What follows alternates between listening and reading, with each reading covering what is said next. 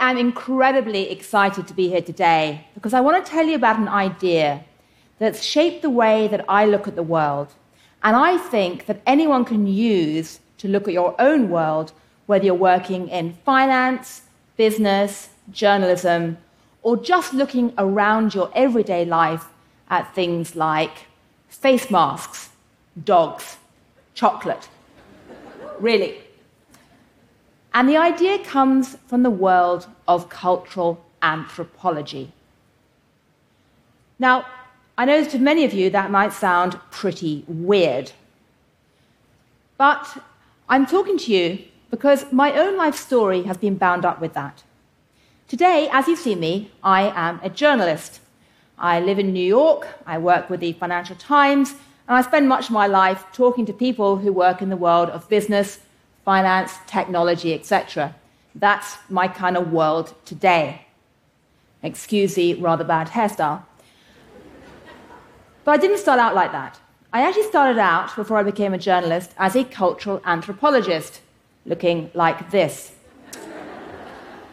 I did field work, as we call it, in Soviet Tajikistan on the borders of Afghanistan. Now, what cultural anthropology does is try to study human culture, all the assumptions that we inherit from our surroundings and we don't often think about, but which shape us deeply in terms of how we think, live, and act. And anthropologists do this in two distinctive ways. Firstly, they believe in getting out and getting our feet dirty and trying to participate in people's lives to understand them, which is why I'm wearing Tajik clothes on the borders of Tajikistan, where I was living. But also, they believe in not just studying cultures that we already know that are familiar, but cultures which are unfamiliar. That can be on the other side of the world, it can be down the end of the street, a different profession, or shock horror, a different political party. And anthropologists do this for two reasons. Firstly, understanding people who have a different point of view to you is very helpful for making sense of the world. Duh. It's something we ought to all know, but actually it's very easy to forget today. But secondly, empathizing with another way of looking at the world can help you to understand yourself better as well. And the reason is that there's a wonderful proverb which says, A fish can't see water. A fish can't see water. None of us can see the assumptions that shape us unless we jump out of our fishbowl, go to somewhere completely different, talk to other fish, and then look back at ourselves to try and understand the assumptions that shape us. In my case, I did that by going to Soviet Tajikistan, but later on, I used that perspective of jumping out of my fishbowl to look back at my own world, where I now work as a journalist, to look at the world of finance, to look at the world of business, to try and look at it with fresh eyes, and to see not just the parts of the world that are obvious, but the parts of the world that we don't often talk about, the social silences.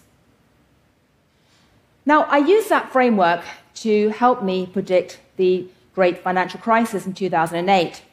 Um, in particular, I spent much of the years before that going to investment banking conferences, which are gigantic ceremonial rituals, which are rather similar to Tajik weddings. It's true. They pull people together, the scattered tribe, they reaffirm their social ties, and they reaffirm a shared worldview through rituals, not through dancing, but through hanging out by the bar and having PowerPoints. Same function. But I did that in the world of high finance. But what I want to make you think about today is that you don't have to be using these tools in Tajikistan or Tokyo or Wall Street. You can actually use them to look around your own world today, your everyday life. You can use them to look at something which is completely different from either Wall Street or Tajikistan, the world of dogs. This is my dog. Charlie. Adorable, smelly, out of control.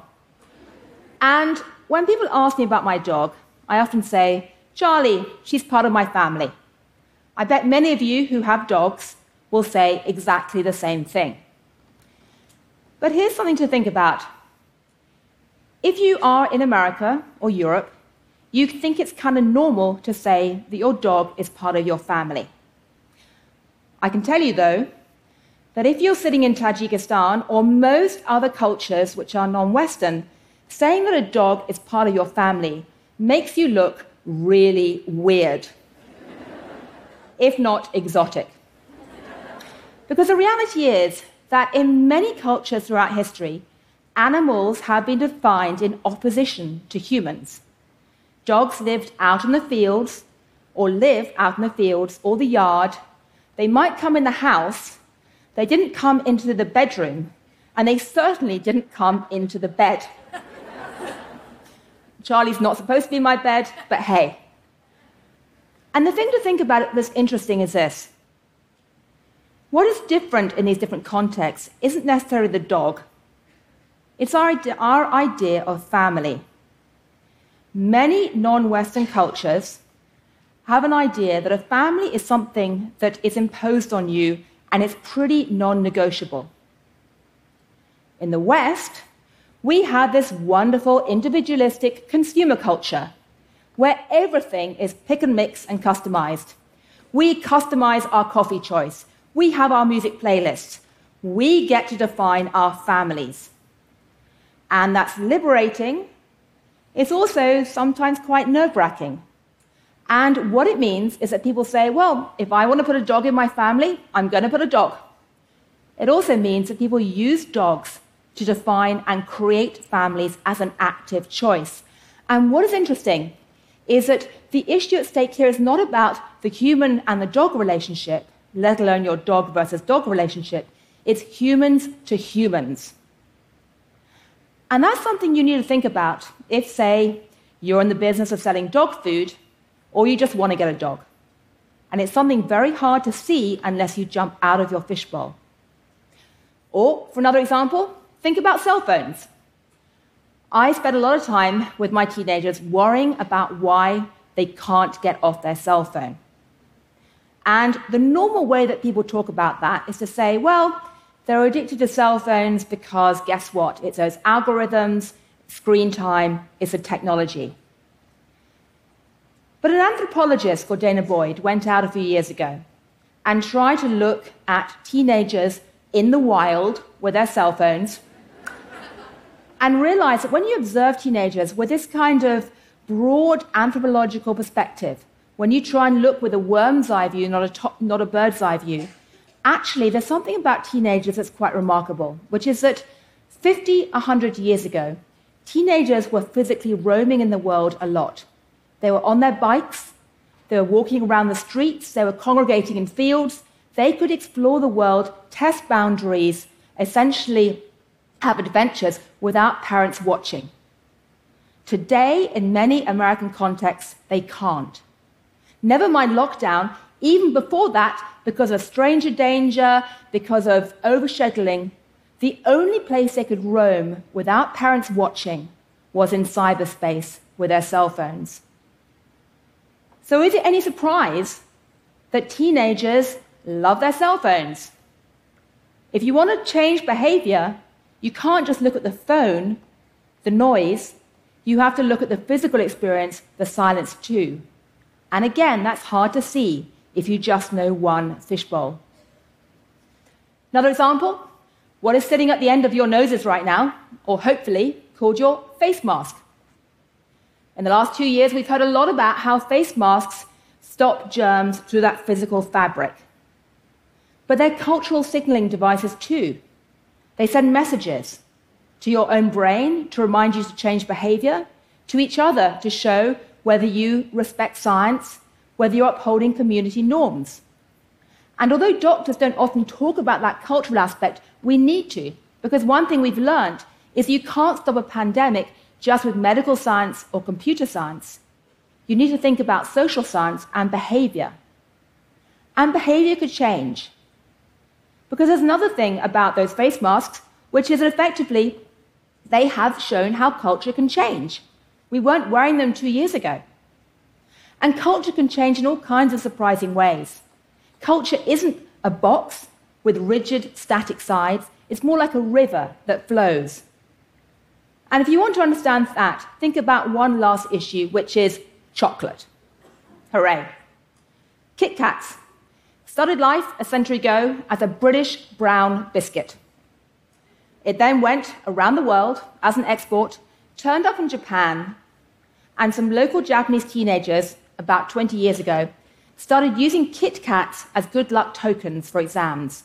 And then they started adding Japanese flavors like soy sauce, wasabi, green tea. And then it became a Japanese biscuit and a Japanese souvenir, and then was sold back into Britain, where today you can buy green tea Kit Kats. and they're actually made in Germany. so today, a Kit Kat is British and Swiss because Nestle owns it, and Japanese and German. Culture is a river, it changes new streams come in, and that is fantastic. And that is one of the big ideas I want to leave you with last of all. Because right now, as we speak, COVID 19 and the lockdown, in many ways, has been an extraordinary period of culture shock. It's given you all what anthropologists experience when they go to other cultures the chance to be jolted out of what was normal and to look at your world again to become a stranger in your own land again. So, however much you might hate that experience, however much you might be scared by that culture shock, the lesson from anthropology is this don't run away from culture shock, seize it as an opportunity. Recognize that lockdown has kept us all trapped with our own tribe, physically, our own pod, We've gone online into echo chambers. But now, more than ever, is a time when we need to jump out of our fishbowl, go talk to other fish, widen our lens. Not just so that we can understand the rest of the world, which we need to, but also so that we can understand ourselves better too. And just think of that when you see a dog a Kit Kat bar, a face mask, or your cell phone. All of them show the power of culture, why culture matters, but why culture can change, and why, right now, we have an opportunity to rethink that. Thank you.